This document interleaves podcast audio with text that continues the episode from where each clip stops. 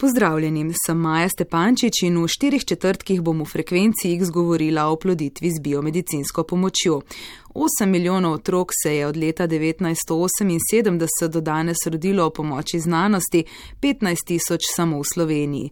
Čeprav je na začetku oploditev z biomedicinsko pomočjo zvenela kot nekaj, kar se lahko pojavlja v znanstveno-fantastični literaturi, se je po dolgih letih študij in ustrajnosti izkazala za realno možnost in danes velja za eno ključnih pomoči parom, ki ne morejo zanositi po naravni poti. V seriji bom eh, poskusila z veliko strokovnjaki zaobjeti začetke raziskovanja na tem področju, kdaj se je porodila ideja, kako so potekale študije, kaj se dogaja za zaprtimi vrati ginekologov, kaj za mikroskopom počnejo embriologi in zakaj vprašanje, kdaj bosta pa vidva imela otroka, nikakor ni primerno. Vse skupaj bodo povezovale tudi zgodbe posameznikov, ki so se odločili za postopek oploditve z biomedicinsko pomočjo.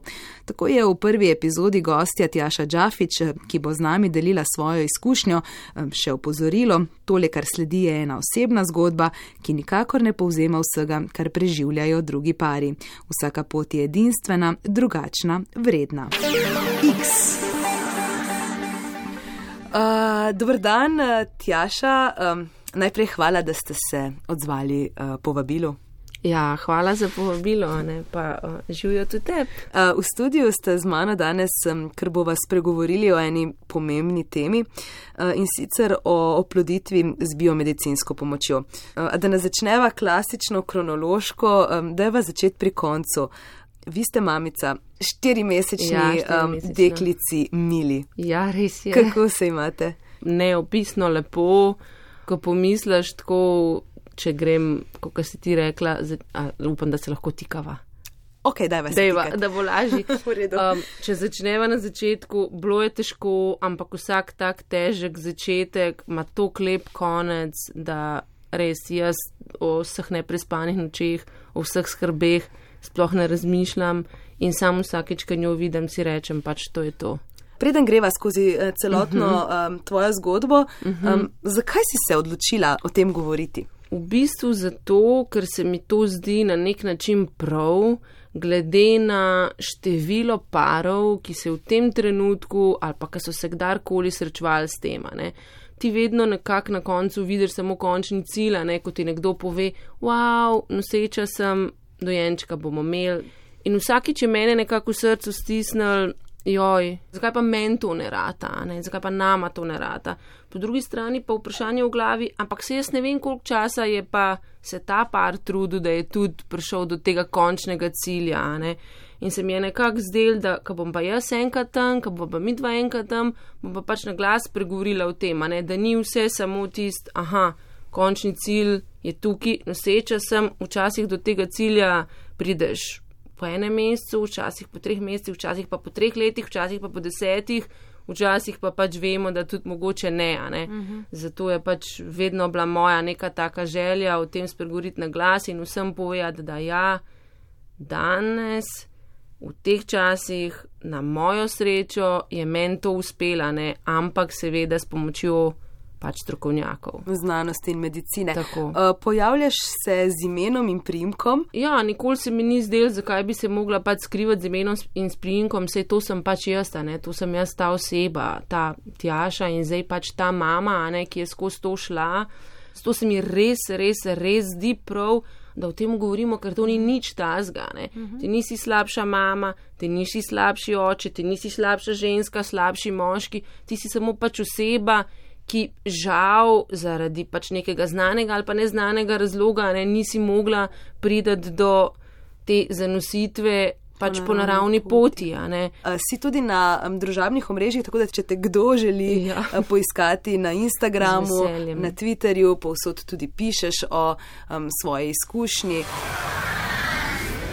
mi dve bomo pa pač zdaj le um, nekako zaokrožili tole uh, zgodbo, zaradi česar smo se tudi uh, dobili.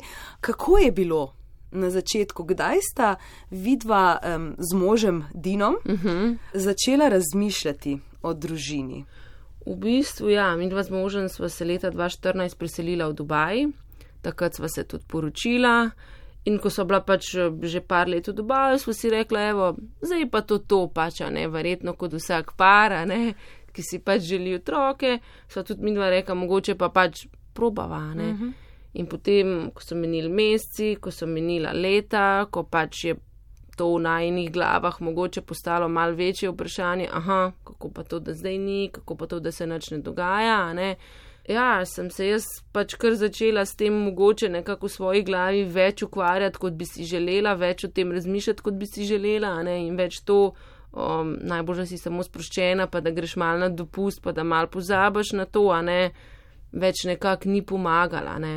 Uh, in ko sem se zavedala, da me, če to na glas povem, mogoče je bilo na začetku sram priznati, ko so me v bistvu potrle te novice o nosečnosti prijateljic pa bližnjih sorodnic, ne, takrat sem se zavedla, aha, neki pač ni ok, če mene neka vesela novica na nek način prizadane, ne. In takrat sem si tudi rekla, čas je, da pač poiščem pomoč, ne, čas je, da pač poiščeva pomoč.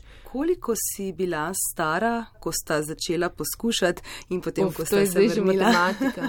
Leta 2015 sem bila stara 30 let, potem pa pač malo kasneje, potem se pravi tako okrog 2017, ja. Sprot pri 32 Tako, letih sta tako začela nekako, poskušati, ja, tako, potem ste ja. se pa leta 2019 vrnila v Slovenijo. Takrat ste se obrnili na svojo ginekologinjo. Tako. Jaz sem v bistvu pač svoji zdravnici povedala, ne, da um, sva že poskušala, da se pač samo od sebe, če temu rečemo, pač nič ni zgodila. Ne. In glede na to, da sem jaz drugač pač zdrava, da je moj mož zdrav, da sva še mlada, ne temu bi jaz tako rekla, in ker pač ne gre, a ne bi pač želela neko napotitev naprej oziroma pač nek. Um, neko dodatno preiskavo, ki bi mi dala odgovor, zakaj se pač nič ne zgodi. Ne? Tako da ja, zdravnica mi je pač takoj predlagala, da še kakšne pol leta počakava, glede na to, da sva se vrnila in so neke take selitve, stres in um, naj bi se telo mogoče samo od sebe umiril. Pa sem si jaz res mislila, sej mogoče pa res, ne sej podzavestno, pa res mogoče sem doživela nek velik stres med to selitvijo, ki se ga niti ne zavedam, pa bom še pol leta počakala, ne pa te pol leta se mi je res del, zdaj pa to to, ne. Potem sem jaz v te pol leta, ko smo nazaj prišla, pač tukaj službo dobila, ne pa spet. Recimo, da rečeš, štartaš novo službo, preselil si se spet neka vrsta stresa, kljub temu, da se jaz nikoli nisem počutila pod ne vem kakšnim stresom, vedno se mi zdela zdrava, sem službo imam, vesela sem, poročena mm. sem, super se imam, ker se teh pol leta pač res ni nič zgodila, ne. Sem šla spet k njej, spet še na en pregled, kjer sem pa takoj dobila napotnico za ginekološko kliniko in na ginekološki kliniki dodeljenega zdravnika, ki je pač v bistvu takoj začel pač z vodenjem tega um, najnega postopka. In potem, ko se je začel ta postopek, sta šla vidva verjetno vsak na svoj pregled. Tako, ja, na začetku v bistvu um, vedno pregledajo um, ženski prvohormone, a ne celotna hormonska krvna slika, da lahko izločijo kakršne koli neravnovesje v ženskem telesu in pa um, mož, um, moški partner, kakorkoli opravi spermiogram. Ampak izvidi so bili super, ne? Izvidi Vse so bili normalno. super, vse normalno. Uh, do tega, ko me je v bistvu ta uh, moj ginekolog, dr. Drobnič, če ga lahko omenjam, na ginekološki kliniki, uh, kar postavil pred dejstvo, da tudi po ultrazvoku ne vidi nobenih sprememb, moja maternica je super lepa, uh, ni bilo nobenih uh, vidnih izrastkov, polipov, uh, tumorjev, um, česar koli, a ne.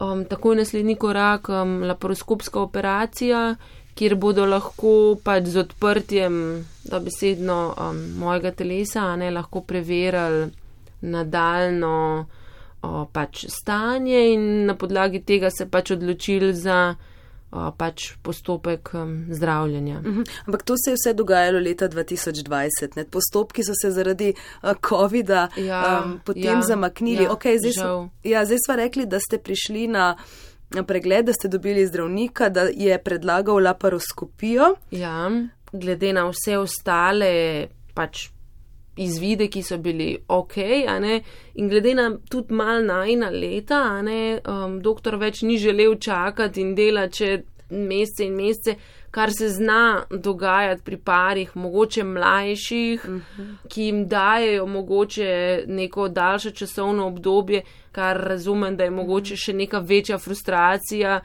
če na koncu ni tizga, kar si najbolj želimo. Kako pa je s papirologijo? Predstavljam si, da je um, tega veliko. Šele po tej laparoskopski operaciji si, ali pa recimo histeroskopski operaciji obstajata dve različni, ki se lahko delata obe, ena. Um, uh mhm. -huh. Jaz sem po svoji laparoskopski operaciji, ko sem dobila svoj izvid, svoje rezultate. Kakšni so bili rezultati? Um, ja, v bistvu kar mal šokantni za me, um, za zdravo žensko, za mene v moji glavi še vedno mlado, ne, uh, staro 35 let takrat, ne, v bistvu neprehodni jajce vodi, uh, zlepljeni jajčniki in huda endometrioza na obeh jajčnikih. Tako da uh, to so mi v bistvu odstranili, jajce vodov se pa žal ni dal um, prečistiti, žal po mojih rezultatih in tudi po jasnih um, besedah zdravnika, ne, ki mi ni dajal nekega lažnega upanja, mi je povedal realnost situacije, tri mesece bova počakala, tvoje telo se zaceli, čez poletje se spočiješ v jeseni te vaju napotim na umetno oploditev. In od takrat naprej v bistvu so se začeli pa papirji. Mhm. Ampak to, da so jajce vodi neprehodni, to je potem 100% neplodnost? Ja, pri meni v, pod mojo diagnozo je bila to 100% neplodnost in zato tudi takojšna napotitev na, naprej v postopek. Uh -huh. Koliko časa uh -huh. preteče potem od tega, da dobite diagnozo, se pravi neprehodni jajce vodi, potem uložite papirje uh, in potem datum, da um, pridete na uh, postopek? V bistvu moram jaz reči, da se je to pri nama zgodilo vse kar zelo hitro. Jaz sem imela operacijo junija 2020, tri mesece kasneje po poletju, se pravi septembra, sem imela posvet še enkrat pri zdravniku, kjer je izpolnil vse te papirje oziroma vložil ta zahtevek. Jaz sem oktobra imela po pošti že vse te papirje doma, da je pač najem postopek odobren, se pravi od tistega časa zelo hiter, en mesec, uh -huh. en mesec pa še mal verjetno. In jaz sem v bistvu potem novembra 2020 že začela ta postopek, ti pa v postopek vstopaš glede na pač ženski cikl, ne na tvoj menstrualni cikl. Tako da jaz sem tudi lani, ko se je to dogajalo, seveda spet v jesenskem, zimskem času, še en hud, drugi, tretji, ne vem več, kater val epidemije, ampak stvari so delovale zelo hitro. Zelo normalno bi mhm. rekla za tisti čas. Kako sta vas ta proces um, sprejemala s partnerjem Dinom? Pozitivno bi jaz rekla, kljub vsemu strahu, kljub mojemu ogromnemu strahu pred operacijami, bolnicami, iglami, krvjo, jaz v življenju do tega trenutka nisem, ne vem, petkrat dala kri, verjetno, ker mi je bilo tako grozen dati kri in tako grozno mi je bilo spoh videti žile in igle in tako. Ampak na drugi strani imam jaz res najbolj krasnega moža, najboljšega prijatelja na svetu, ob sebi, pa nekim je res skozi govoril, glej, pač tukaj s vami me je v glavi, kot da je to vsak trenutek, ki daš čez kot en meč tenisa. Ne? Ob vseh iglah, ki mi jih je on dajal v, v trebuh, ker sama tega pač verjetno ne bi zmogla. Ne bi zmogla. Vem, da so tukaj punce in ženske, ki vse to delajo same in jim samo lahko rečem, wow, bravo. Medtem ko sem jaz imela tukaj njega, da mi je to pomagal. Um, in jaz mislim, da neke take stvari, a te res zelo povežejo lahko te pa tudi res zelo oddalijo eno od drugega, ker niso lahke stvari, ne za žensko, mogoče niti ne za moškega, ki pa v tem verjetno še manj govorijo, kljub temu, a ne. Kot sem enkrat odprla debato na Twitterju, eh, čist neumestni komentar, zdaj moški ne, imajo samo eno nalogo in to je upraviti spermiogram in prinesti na samo ploditev lonček sperme. Ja ne, ne tako težke, telesno, niso, telesno ja. težke, v primerjavi s tem, čez kaj gre v postopku žensko telo, a ne in ženska, nekako glava, psiha mogoče. Tako da mi dva sva res ustala, ful povezana, si res pomagala in mislim, da neka taka stvar, še ena v življenju izkušenj, ki naj je še bolj zbližala. Uh -huh. uh, rekla si, uh, da si se bala, verjetno se še vedno bojiš, Igel, um, glede na to, da ti jih je dajal um, partner Dino, oziroma ne partner, mož Dino. ja. Na Twitterju se mi zdi, da si tudi objavila um, fotografije ja. um, trebuha uh, ja. z modricami ja. uh, in priznam, da me je tako kar malce zabolelo v drobovju, ko sem vse to videla, koliko uh, injekcij um, je bilo videli smo uh, lahko modrice. modrice. Uh, je bilo samo to, uh, ali so bile tudi bolečine? Pa jaz mislim, da nekih prav bolečin ni. To je v bistvu hormonska terapija za spodbujanje nastanka foliklov, ne oziroma jajčnih celic.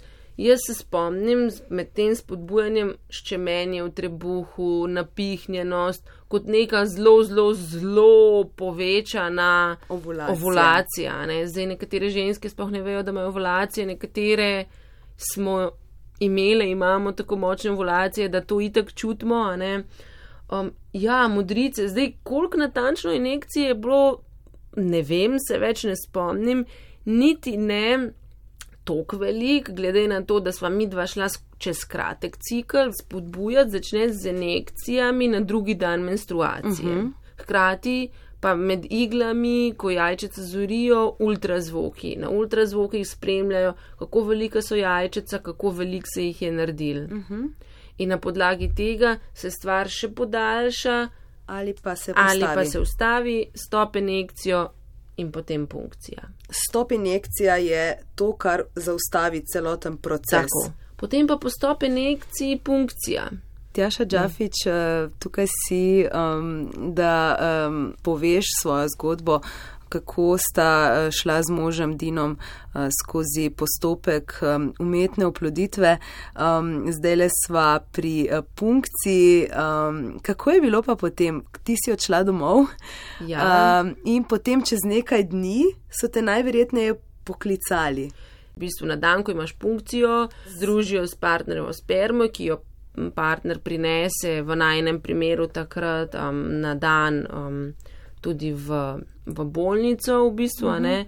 um, in potem te embriji zorijo pet dni, ti že dobiš datum ob punkciji za um, prenos. transfer, prenos, tako, in na dan tega prenosa prideš na posvet z zdravnikom, ki je tisti dan, v bistvu dežuren se temu reče, a ne.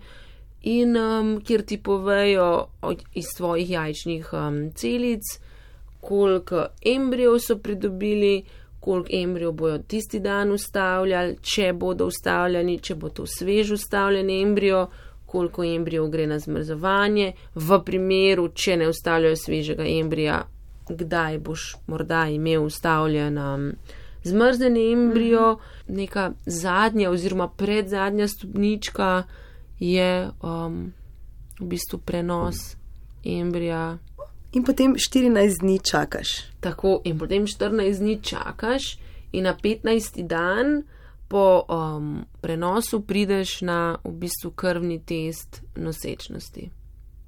In to je bilo, pa že po prvem postopku se ja, vam je zgodilo. Postopku, to sta imela tudi srečo, res, ja, da se je srečo. Mene je v bistvu to, da mi je nekdo rekel, da je to sreča, in pri moji ginekologini, in potem v porodnišnici, na vseh različnih pregledih, eh, v materinski knjižici piše, da si ti um, zanosila v postopku z pomočjo, a ne. Vsak te vpraša, a je to v prvo, kako je šlo? In ti poveš v prvo, in vsi so začudeni, da dobiš res potem občutek, a to ne obstaja. Pogosto. A sva midva res srečneža kaj je k temu doprineslo, a je to res neka ta sproščenost, spodbuda mojega moža, uh mhm. -huh. družine, prijateljev, ali je to to, da sem se jaz vedno počutila, da sem ekstra zdrava, ali je to samo skupek zmagovalnega embrija. Um, res dobrega, dobrega, dobrega medicinskega osebja, ne, ki ti na vsakem koraku po najboljši moči pomaga, razlaga, svetuje, stoji ob strani. Mm -hmm in potem mm. avgusta je prišla. Ja, tako, ja, ja.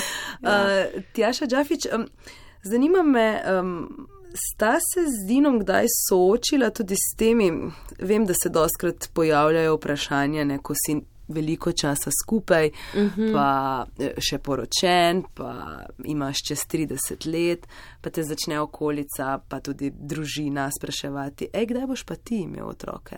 A je bilo to kdaj pri vama? V bistvu bom rekla, niti ne.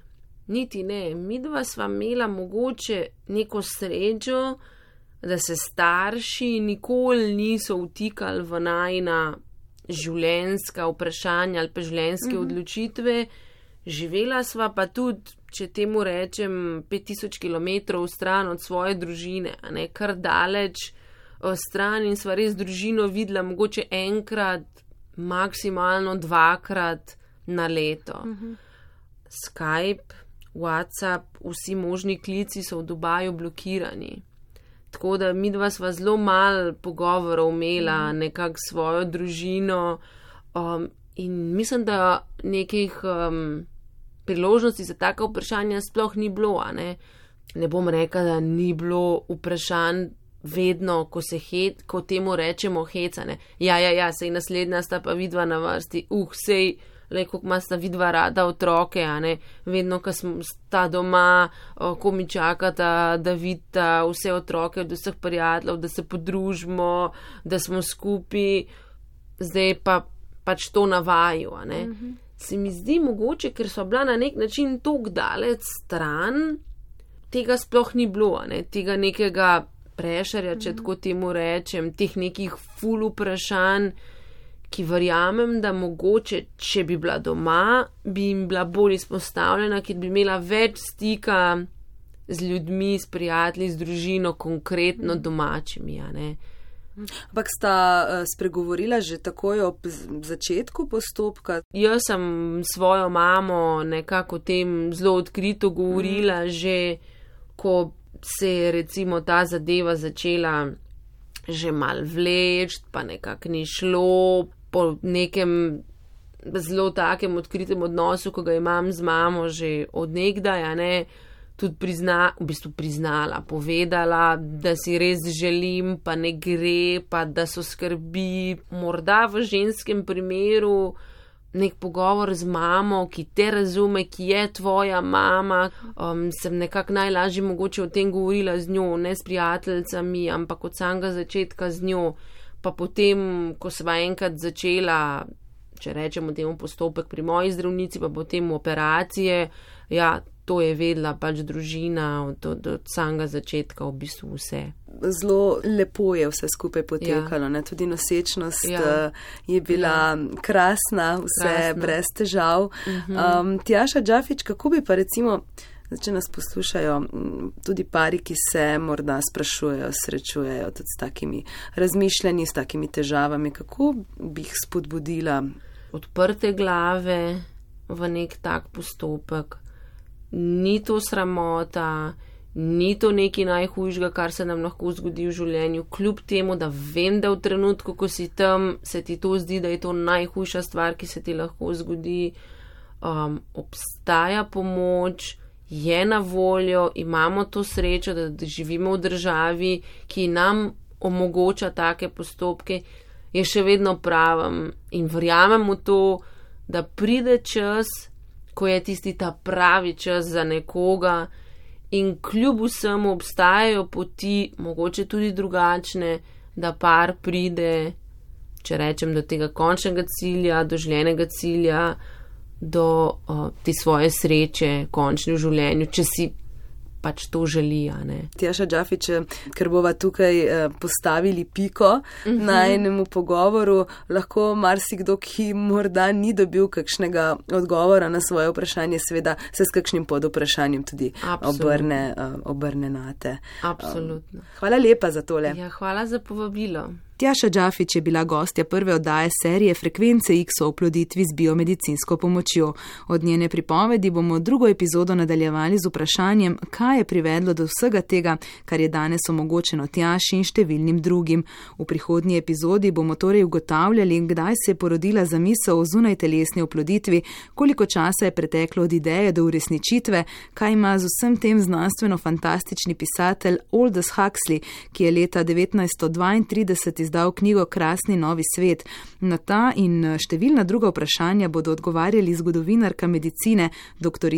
Zvonka Zupanič Slavec, sodelavec pionirja na področju zunajtelesne oploditve in Nobelovca Petra Edwardsa Mike McNamee in eh, pionir na področju reproduktivne medicine v Sloveniji, ginekolog dr. Velko Vlajsavljevič. Jaz sem Maja Stepančič, se slišimo spet prihodnji teden.